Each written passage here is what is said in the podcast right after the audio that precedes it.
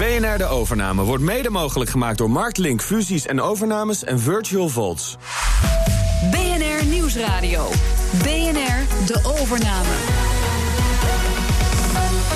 Paul van Liemt. Hij volgde een opleiding tot clown, maar werd uiteindelijk succesvol serieondernemer. Boris Veldhuizen van Zanten verkocht meerdere bedrijven, maar is nu alweer meer dan tien jaar verbonden aan de Next Web. Al zegt hij dat voor de juiste prijs alles te koop is. Dit is de overname. En toen zei ik, dan gaan we over een maand failliet. Dan ga ik over twee maanden persoonlijk failliet. Als we precies hadden geweten hoe het zat, hadden we er meer voor kunnen krijgen. Dus als je je bedrijf verkoopt, dan komen er heel veel mensen op je af. Als je op een date gaat en je zegt in het begin meteen... dat gaat mij alleen om de seks. Ja, ik denk dat mijn doel nooit geweest is om snel een exit te maken. Ik ben de oudste op het kantoor, maar wel de minst volwassene. Als je een bedrijf hebt en iemand komt langs en die biedt de juiste prijs... dan moet je het verkopen. Boris, je hebt van de Amerikanen geleerd om jezelf te omschrijven als succesvol serieondernemer. Waarom moet dat succesvolle van die Amerikanen per se bij? Nou, dat, ik werd een keertje voorgesteld aan een Amerikaanse ondernemer. En toen zei ik, hallo, ik ben Boris, I'm een serial entrepreneur. Of zo werd ik voorgesteld. En toen zei hij, oh, hi, I'm Mark, I'm een succesvol serial entrepreneur. En ik moest een beetje lachen, want ik zei, jeetje, dat je dat van jezelf durft te zeggen. En toen zei hij, ja, het is heel belangrijk om dat onderscheid te maken. Want je hebt heel veel Amerikaanse ondernemers die, uh, ja, die, die mislukken tien keer achter elkaar. En die noemen zich dan ook uh, serial entrepreneur. Uh, terwijl als je een paar keer iets succesvol hebt gedaan, ja, dat, dan sta je toch wel een tandje hoger in de rangorde. Maar goed, ik ben er heel terughoudend in hoor. Want ik denk uh, uiteindelijk als ondernemer heb je meer mislukkingen dan uh, successen in je leven. Je experimenteert heel veel. Dus ik denk dat ik ook een heel goed ben in mijn mislukkingen te boven komen. En hoe kun je daar goed in zijn, mislukkingen te boven komen? Nou, het is een mindset. Hè? Dus uh, Churchill die zei: uh, succes is going from failure to failure without lack of enthusiasm. Uh, met andere woorden, ja, je, je experimenteert en het experiment zelf is het doel. Hè? Of het nou geslaagd of succesvol is, eigenlijk iets minder relevant. Je doet het om het experiment. En ik heb bedrijven opgericht die zijn mislukt. En dan zeg ik van nou ja, ik heb het in ieder geval succesvol geprobeerd. Ik heb dat experiment gedaan. We weten nu het resultaat. Dan kunnen we door naar het volgende. Dat weet je niet als je het niet probeert. En ik heb dus ben ja, op sommige mislukkelingen eigenlijk even trots als op sommige successen. Meer mislukkingen dan successen? Altijd, ja, tuurlijk. Ja. Ja, je probeert heel veel af en toe lukt er eens wat. En, en dat is denk ik ook wel ja, belangrijk als je ondernemer bent. En dat je de hele tijd dingen probeert. Uh, dus ik heb een keer een bedrijf gehad en, dat mislukte. En toen zeiden mensen, oh, vind je dat niet heel erg jammer? En toen zei ik van, nou ja, ja natuurlijk. Hè, ik had graag gezien dat het uh, succesvol uh, was geweest. Maar ik heb in ieder geval succesvol aangetoond dat het niet werkt. Wat bedoel jij, ja, dat zo kun je ook zien natuurlijk. Maar wat bedoel jij met een mislukking? Is het, is het alleen, heeft het alleen met geld te maken? Nee, dat heeft vele facetten natuurlijk. Je kunt op allerlei manieren falen. Maar, maar goed, een bedrijf over het algemeen wat geld verdient, is wel succesvol. Dus, dat, ik heb, dus dit voorbeeld was een anti-spam uh, oplossing. En dat nou, waren we begonnen, hadden we wat geld voor opgehaald. En die spam oplossingen die worden meestal beoordeeld op hun percentage effectiviteit. En in die tijd was uh, 95% effectief. En dus 95% van de spam wordt tegengehouden, was al best gaaf.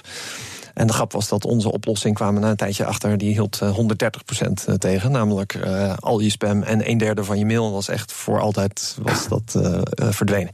Dus dat was nogal een, een, een flater. En toen zijn we teruggegaan naar de investeerders en hebben we gezegd: van ja, dit, die oplossing werkt toch niet.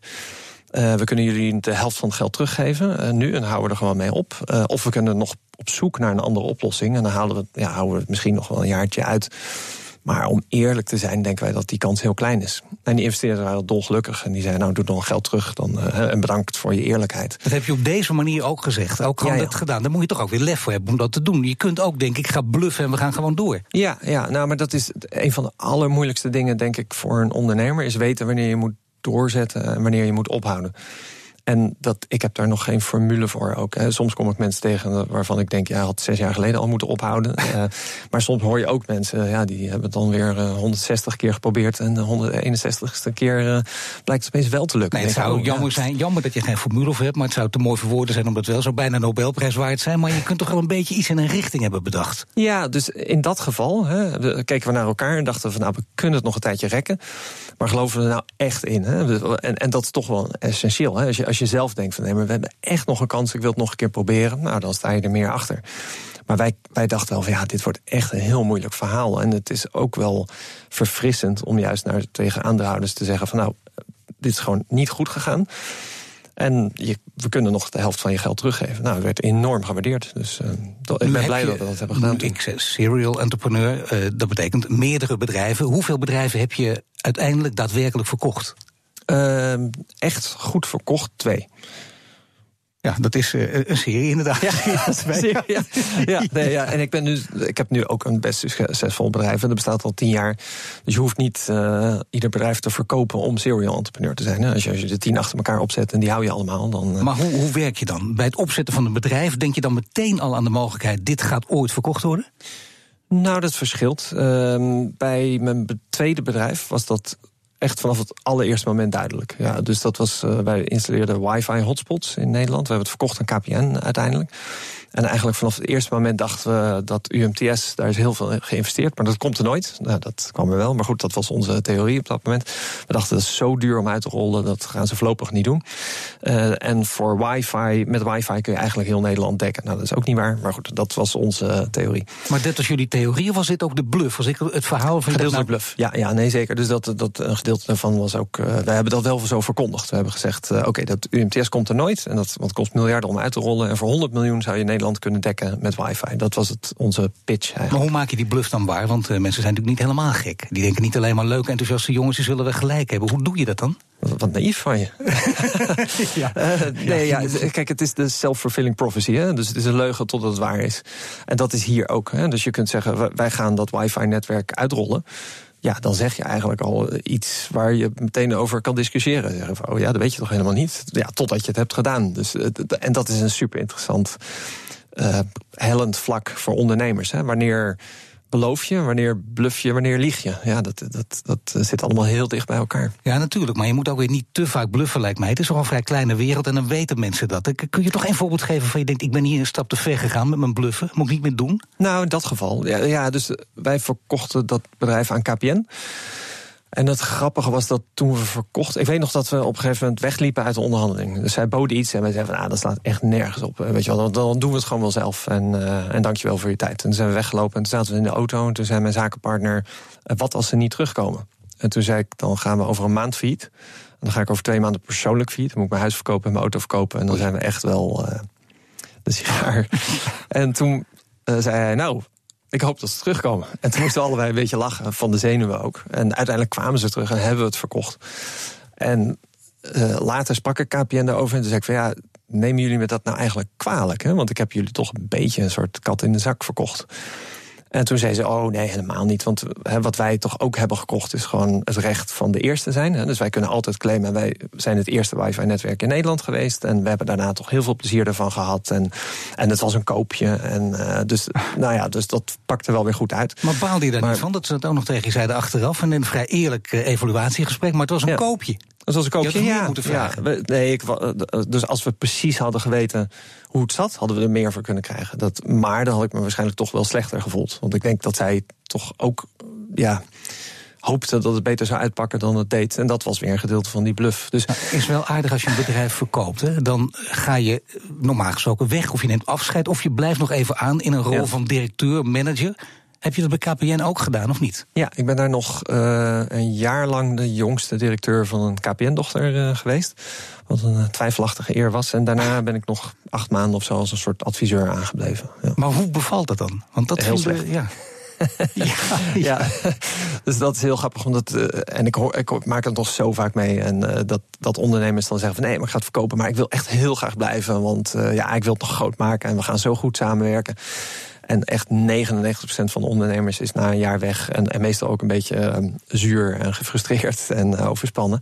Omdat het gewoon zo anders is om, om een radertje in een groot bedrijf te zijn dan je eigen bedrijf. Uh, opbouwen. Dus de, niemand houdt dat vol. Nee, dat, dat is echt. Dat heb je zelf letterlijk zo ervaren. Jij werd ook ja. voor jou doen zuur verbitterd? In die ja, periode? Ja, ja, ik was echt aan het einde van die periode van jongste directeur. Uh, was ik de burn-out nabij. Ja. En, en dat was ook echt letterlijk hoor. Dat ik, ik voelde me zo slecht. En toen op een gegeven moment ging ik naar de dokter. En ik schetste zo een beetje wat symptomen. En toen zei die dokter: Ja, maar dit is gewoon een burn-out. Het is gewoon, uh, en je hebt hem al of je krijgt hem morgen. Want dit is. En toen zei ik, wat, wat kun je daaraan doen? Dan moet ik op vakantie of zo? En toen zei hij, nee, nee, gewoon het enige wat helpt om een burn-out te voorkomen... is rigoureus je, je, je leven veranderen. En, uh, nou, en een maand later had ik de de laatste restjes eh, van mijn aandelen verkocht. En, uh, en was ik alleen nog maar adviseur en hadden ze een nieuwe directeur. En, en dat heeft me wel echt gered. Ja. Heb je dit alleen maar altijd steeds uh, zelf ervaren... door zelf gesprekken aan te gaan met deskundigen op dit gebied? Of heb je ook af en toe mensen gesproken die deskundig zijn op het gebied van overnames... en die je vooruit geholpen hebben? Ja, je praat met heel veel mensen. Je komt veel mensen tegen natuurlijk. Uh, veel andere ondernemers. Als, als een ondernemer zijn bedrijf verkoopt of aan het verkopen is, is het altijd super interessant om even te vragen van goh, hoe, hoe doe je dat? Wat heb je ervan geleerd? Wat kan ik ervan leren? Je hebt natuurlijk ook echt experts op dit uh, gebied. Hè, bedrijven die je helpen met je bedrijf uh, verkopen. Nou, die ken ik ook wel. Um, en het is goed om die mensen om je heen te verzamelen, zodat als je ze nodig hebt, dat je ja, weet wie je kan vertrouwen eigenlijk. Hè. Dus als je je bedrijf verkoopt, dan, ja, dan komen er als. Uh, als vliegen op de grond, houdingen op de. Of, uh, ja, uh, komen er heel veel mensen op je af die je graag willen helpen of adviseren. En dan is het op dat moment best moeilijk om uit te vinden wie nou nuttig is en wie je daar alleen maar komt voor zichzelf. Maar moet je uiteindelijk daar uh, mensen om je heen hebben die je, zoals jij zegt, heel goed vertrouwt natuurlijk? Of ook mensen die juist gespecialiseerd zijn? Het kan ook een afstandelijke deskundige zijn. Ja, dat kan ook een voordeel zijn. Hè? Dus als je ja. iemand voor jou laat onderhandelen, dat kan heel prettig zijn. Hè? Dus iemand die daar zelfs te ver in gaat en dat je dan daarna zelf weer even kan inspringen. Een soort good cop, bad cop relatie. Waar je zegt, oh ja, sorry, ja, hij kent onze relatie niet. En uh, misschien moeten we toch nog eens praten. Ja. Dat, dat kan super handig zijn. Ja. Wij hadden met KPN ook met die onderhandelingen af en toe iemand erbij. Ja, die eigenlijk ietsje uh, bozer kon, kon zijn dan wij. Uh, want wij moesten natuurlijk nog door met die partij daarna. Dus uh, dat, dat kan absoluut heel nuttig zijn. Waar ja. kijk je bij een overnemende partij naar? Met andere woorden, hoe weet je of de andere partij ook een goede koper is? Ja, er zijn zoveel factoren die daar Vaak wordt er gezegd, dat is heel net antwoord. En je kunt gauw zeggen, het gaat alleen om het geld. De hoogste ja, bieder soms gaat het echt alleen om het geld. Ja, en daar moet je ook realistisch in zijn. Hè. Dat, uh, maar, maar goed, niemand. Het is maar zelden dat zowel de kopende als de verkopende partij zegt: hé, hey, het gaat alleen om het geld. Hè, dus het is toch. Uh, ik weet niet, als je op een date gaat en je zegt in het begin meteen dat gaat mij alleen om de seks, dan is het een heel kleine kans dat dat uh, op wat moois nee, Dat ik wel een duidelijke vergelijking, ja. Ja, dus dat is uh, met overnames ook, denk ik dat je daar een beetje omheen loopt. Straks hoe de circusschool je als ondernemer een voorsprong geeft. BNR Nieuwsradio. BNR De Overname. Niet één, maar twee bedrijven verkocht hij. Het leverde hem het predicaat serial entrepreneur op. Ja, je zit nu tien jaar bij de Next Web, tien jaar. En dan denk je, nou, die houdt het behoorlijk lang vol voor een, een serie-entrepreneur. Voor een exit-koning. Een exit-koning, ja.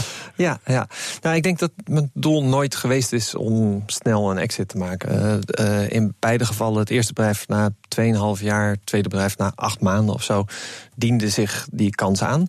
Uh, de tweede keer behaalden we daar zelfs een beetje van. Hè? Want we dachten, nou, we gaan dit vier jaar doen en dan wordt het een 100 miljoen euro uh, bedrijf. En na acht maanden ja, diende zich KPN al aan. En ja, die boden een prijs die redelijk was. Uh, we hadden het best moeilijk. We dachten, van, ja, we moeten of heel snel geld ophalen of we hebben echt een probleem. En alles kwam zo een beetje bij elkaar. En, en, en toen besloten we het te verkopen. Maar het is ja, bij de Next Web, uh, als, we, als ik dat nog twintig jaar hou, zou ik ook tevreden zijn. Het is maar niet mijn doel. Je je zit op te wachten, dat is niet je doel, maar elke koper die zich aandient en die interessant is en een goede prijs heeft, die mag het hebben.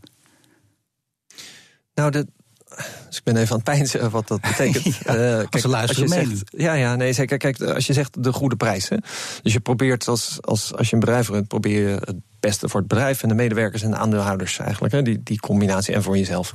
Maar misschien voor jezelf nog wel als laatste. Hè, dus je aandeelhouders op één, en je medewerkers als twee en jezelf als, als derde. En dus de juiste prijs, nou dan, dan moet dat in evenwicht zijn. Hè. Dus ik denk inderdaad, als je een bedrijf hebt en iemand komt langs en die biedt de juiste prijs dan moet je het verkopen. Maar wat de juiste prijs is, daar kunnen we nog uh, een uur over doorpraten. Ja, of je kunt het kort houden en gewoon nu in 10 seconden even zeggen: dit is de prijs. Dit is de prijs. Bel maar. Nou, ik denk uh, als iemand uh, 100 miljoen zou bieden nu, dan zou ik het wel uh, sterk overwegen en op zijn minst voorleggen aan mijn aandeelhouders. Ja, dan kom ik meteen op de vraag of je geld gedreven bent. Nou, ik persoonlijk denk ik niet. Nee, nee. ik denk uh, geld is wel uh, belangrijk natuurlijk. Maar ik ben dus in ieder geval niet. De, de, ik, ik, zie er niet naar uit om een bedrijf te verkopen en dan niks te gaan doen. Maar waar komt dan het verhaal vandaan dat je regelmatig ook in interviews hebt gezegd. Uh, toen ik een jaar of acht, negen, tien was in het circus werkte. Ja. Toen riep ik al: ik wil later miljonair worden. Ja, nee, maar dat klopt ook wel hoor. Dat zei ik ook. En ik ben ook miljonair geweest. Dus dat check that box. En dan kun je weer wat anders gaan doen. Ja. Nou ja, dat is trouwens wel interessant. Hè? Je hebt dat waargemaakt, maar je zegt je bent niet geldgedreven, want je bent het geld ook weer kwijtgeraakt. Dus je hebt het meegemaakt, weinig geld, heel veel geld zelfs, en daarna weer weinig geld. Ja. Wat, wat heb je daarvan geleerd? Nou, ik, ik, gun het iedereen om een jaar uh, uh, rijk te zijn. Het is heel uh, superleuk om mee te maken. Maar het is ook heel leerzaam. Hè? Een van de dingen die je leert, of die ik heb geleerd in ieder geval, is dat dat je niet speciaal ontzettend veel gelukkiger wordt van veel geld hebben. Dus ik was altijd gewoon al best gelukkig. En sommige van de beste herinneringen in mijn leven zijn eigenlijk van de armste momenten. De dingen die je dan meemaakt. En als je dan veel geld hebt, nou, dan kun je misschien iets lekkerder uit eten. Maar ja, de volgende ochtend eh, is het weer een drol en dan moet je weer naar je werk. En ja, dat, dan merk je dat dat niet echt heel erg veel invloed heeft, toch? Dus waar, waar word je nou gelukkig van? Dat is nou, ja, je werk doen op een manier dat je echt het gevoel hebt dat je iets bijdraagt. Daar word je uiteindelijk echt inherent gelukkig van. En dan, als je heel hard hebt gewerkt en je hebt het gevoel dat je echt nuttig bent geweest voor je bedrijf en voor, voor de mensen om je heen.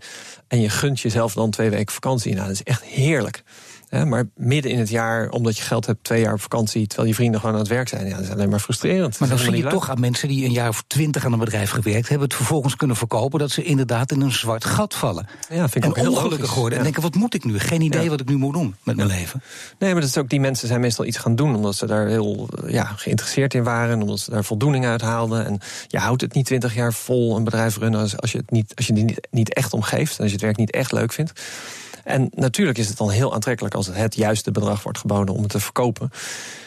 Maar als je dan opeens niet meer dat werk kan doen wat eigenlijk, hè, wat je identiteit uh, bepaalt, wat je, wat, wat, ja, wat je uitstraling is, waar je voldoening uit haalt, dan is dat volgens mij heel frustrerend. Ja. Nou ben jij ook uh, failliet gegaan. Het ging echt dus mis. Uh, opeens heb je dan niet, zit je op zwart zaad. Hoe ja. ga je ermee om? Ik ben gelukkig nooit echt failliet gegaan. Ik ben wel heel erg in de buurt geweest. Maar ik had gewoon helemaal geen geld meer, nee. En dat, wat me toen dus opviel, was dat. Ja, hè, daar kom je dan, laten we zeggen, op zondag achter. Maandag en dinsdag zijn hele depressieve dagen. Maar dan op woensdag heb je ergens een feestje en dan ontmoet je je vrienden. Dan heb je eigenlijk ontzettend veel plezier. En dan denk je, goh, nou, ik kan niet het volgende rondje betalen. Maar ik ben eigenlijk nog steeds wel gelukkig. Net zoals ik vorige week was. En ik denk dat dat dus een superwijze les is die je iedereen gunt eigenlijk. Hè? Dat je maar is het zo gemakkelijk gegaan? Ik ken ook ondernemers die zeggen, nou dat kostte me heel veel moeite. Ik was een hele vrolijke vent, maar ja, op eind op zwart zaad zitten viel toch tegen. Uh, ja. Psychologen hebben mij goed kunnen helpen bijvoorbeeld. Heb je dat ook nodig gehad of niet? Nee. Nee, misschien was het niet twee dagen, maar was het wel drie maanden dat ik ietsje sipper was. Maar maar toch eh, ja, kwam ik er wel achter. Want ik kwam daar eigenlijk al achter toen ik, geld, toen ik wel geld had. Dat heeft ongeveer een jaar geduurd. Dat ik echt het gevoel had dat ik me niet meer zorgen hoefde te maken over geld. Maar dan viel me dat dus opeens op. Dat ik dan dacht, oh, laten we lekker uitgaan. En dan ja, zeiden mijn vrienden, ja, ik moet gewoon werken morgen. En dan dacht ik van, oh ja, oh ja, nou moet je dus misschien rijke vrienden zoeken. Maar ja, die zijn allemaal niet zo leuk. Ik wil gewoon mijn eigen vrienden. En die moeten gewoon werken. Dus dan denk ik, oh ja, nou, nou dan ga ik dan maar niet uit. Dus dan... Dus ja, het, het maakt er gewoon niet zoveel verschil. Hè. Ik, ik, zou het leuker Kijk, als, je, als ik nu 1000 euro op straat vind, dan ben je echt wel even een uurtje gelukkiger. Hè. Dan denk je, oh, leuk, wat zou ik daar eens mee gaan doen? Dus dat, dat aspect is er wel. Maar ik denk dat dat inherente geluk, hè, dat, dat zit toch veel meer in jezelf.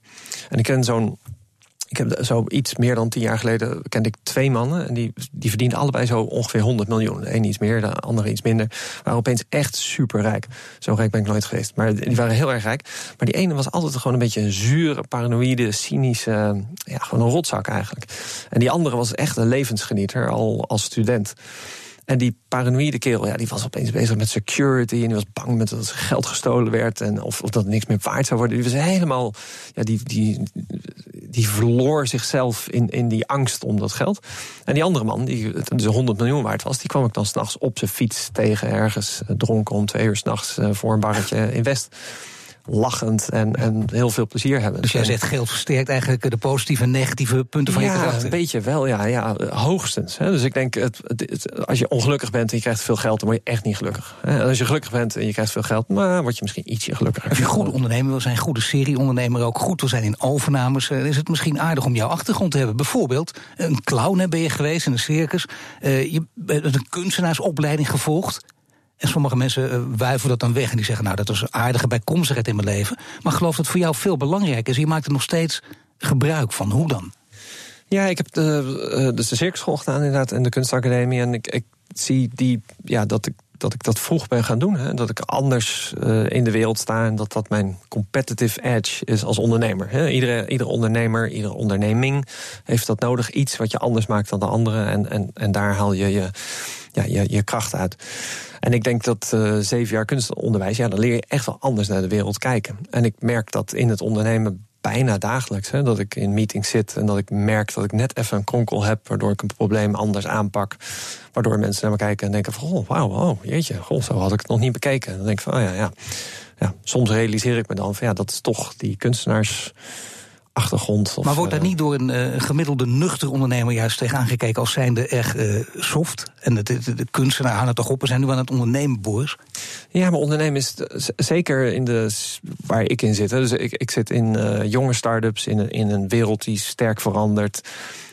dus je, dan ben je eigenlijk de hele tijd aan het corrigeren. Je bent problemen aan het oplossen, je bent kansen aan het zoeken. Je moet heel goed opletten, je moet van heel veel dingen weten, je moet connecties leggen. Dus dat is uiteindelijk gewoon echt heel creatief werk. En je moet ook jong blijven. Ik begrijp, in jouw bedrijf werken veel jonge mensen. Jij bent een van de ouderen. Hoe blijf je toch jong? Nou, je omringen door uh, jonge mensen. Dus ik hoorde gisteren iemand zeggen: je bent zo oud als het gemiddelde van de vijf mensen waar je het meest mee omgaat. En toen dacht ik, oh, dat is eigenlijk een hele mooie formule. Ja.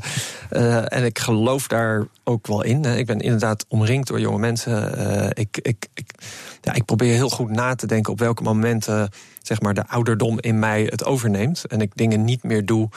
Um, dus een voorbeeld is Snapchat. Dus ik, ik uh, zag dat Snapchat en ik dacht, gadverdamme, oké, nou dat sla ik even over. Want dan snap ik, ik snap er niks van en waar is het voor? En ik vond het stom. En toen zei een kennis van me, die zei... Uh, Snapchat heeft een mooie uh, soort leeftijdsfilter ingebouwd. Toen zei ik, hè, nee, maar je hoeft toch niet je leeftijd op te geven? Toen zei nee, nee. Maar de interface is zo verwarrend... dat alleen jonge mensen het begrijpen. En dat was echt een soort moment dat ik dacht... oh shit, ik word oud. Ja, want ik heb, ik heb daar aan toegegeven, ja, hè, die, die weerzin... Ja. Maar wat het gewoon is, is ik word gewoon minder flexibel. Dus toen heb ik echt mijn best gedaan. Uh, met meer jonge mensen gaan praten. Gezegd van oké, hoe gebruik je nou Snapchat? Laat nou nog eens een keertje zien. Net zolang tot ik het begreep. En nu vind ik het super leuk. En ja, dat was zo'n moment. En die komen er steeds meer. Het wordt steeds harder werken. Om, maar dan om heb je, het voordeel natuurlijk. Maar het voordeel is dus uh, je omringen met jonge mensen. Dat is bijna een formule, zeg je. Maar je kunt ook zeggen, dat heb je eerder in interviews ook al eens geroepen. Uh, zorg dat je speels blijft, een speelse geest houdt. Zorg zelfs dat je nooit volwassen wordt. Ja, ja. ja dus uh, mijn grap is wel eens dat ik, ik ben de oudste op kantoor, maar wel de minst volwassene.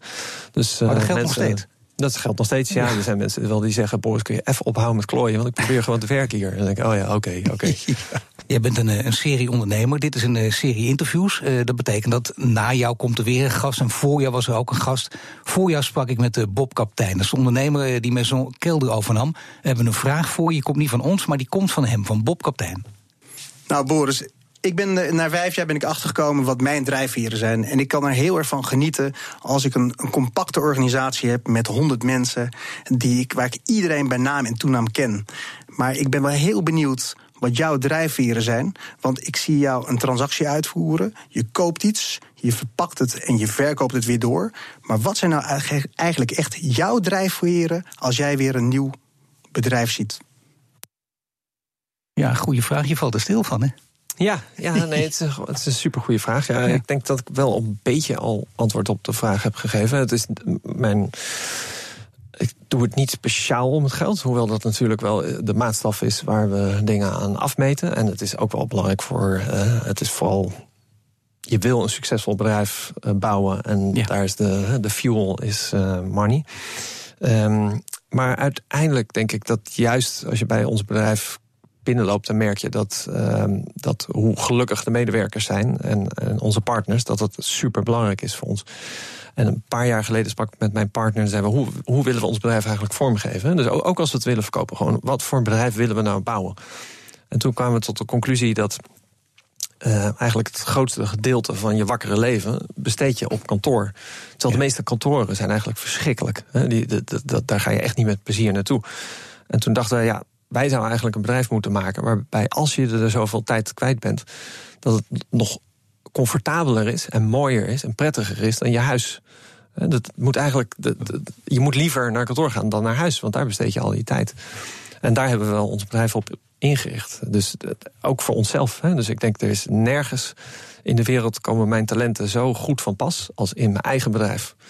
En ik denk, ik hoop dat dat geldt voor al mijn medewerkers ook. Dat ze denken, ik kan wel ergens anders gaan werken. Maar ja, de, ik heb nergens zoveel vrijheid, ik ben nergens zo gelukkig als hier. Dan mag jij nu eh, een vraag stellen aan onze volgende gast. Dat is uh, Patrick Snijder. Hij nam IIC, dat is bekend van de Vacuvin, nam hij over van zijn vader. En wat is jouw vraag? Ja, mijn vraag zou zijn: er is één product waar jullie echt bekend uh, om zijn. Um, is het voldoende om één zo'n product uit te melken? Of heb je echt wel behoefte om heel veel meer andere producten op te zetten? Dus haal je voldoening uit het succesvol zijn met één product. Oké, dankjewel, Boris Veldhuizen van Zand. En dit was de overname. U kunt deze uitzending ook luisteren via bnr.nl/slash overname. Tot volgende week. BNR De Overname wordt mede mogelijk gemaakt door The Room en Marktlink Fusies en Overnames.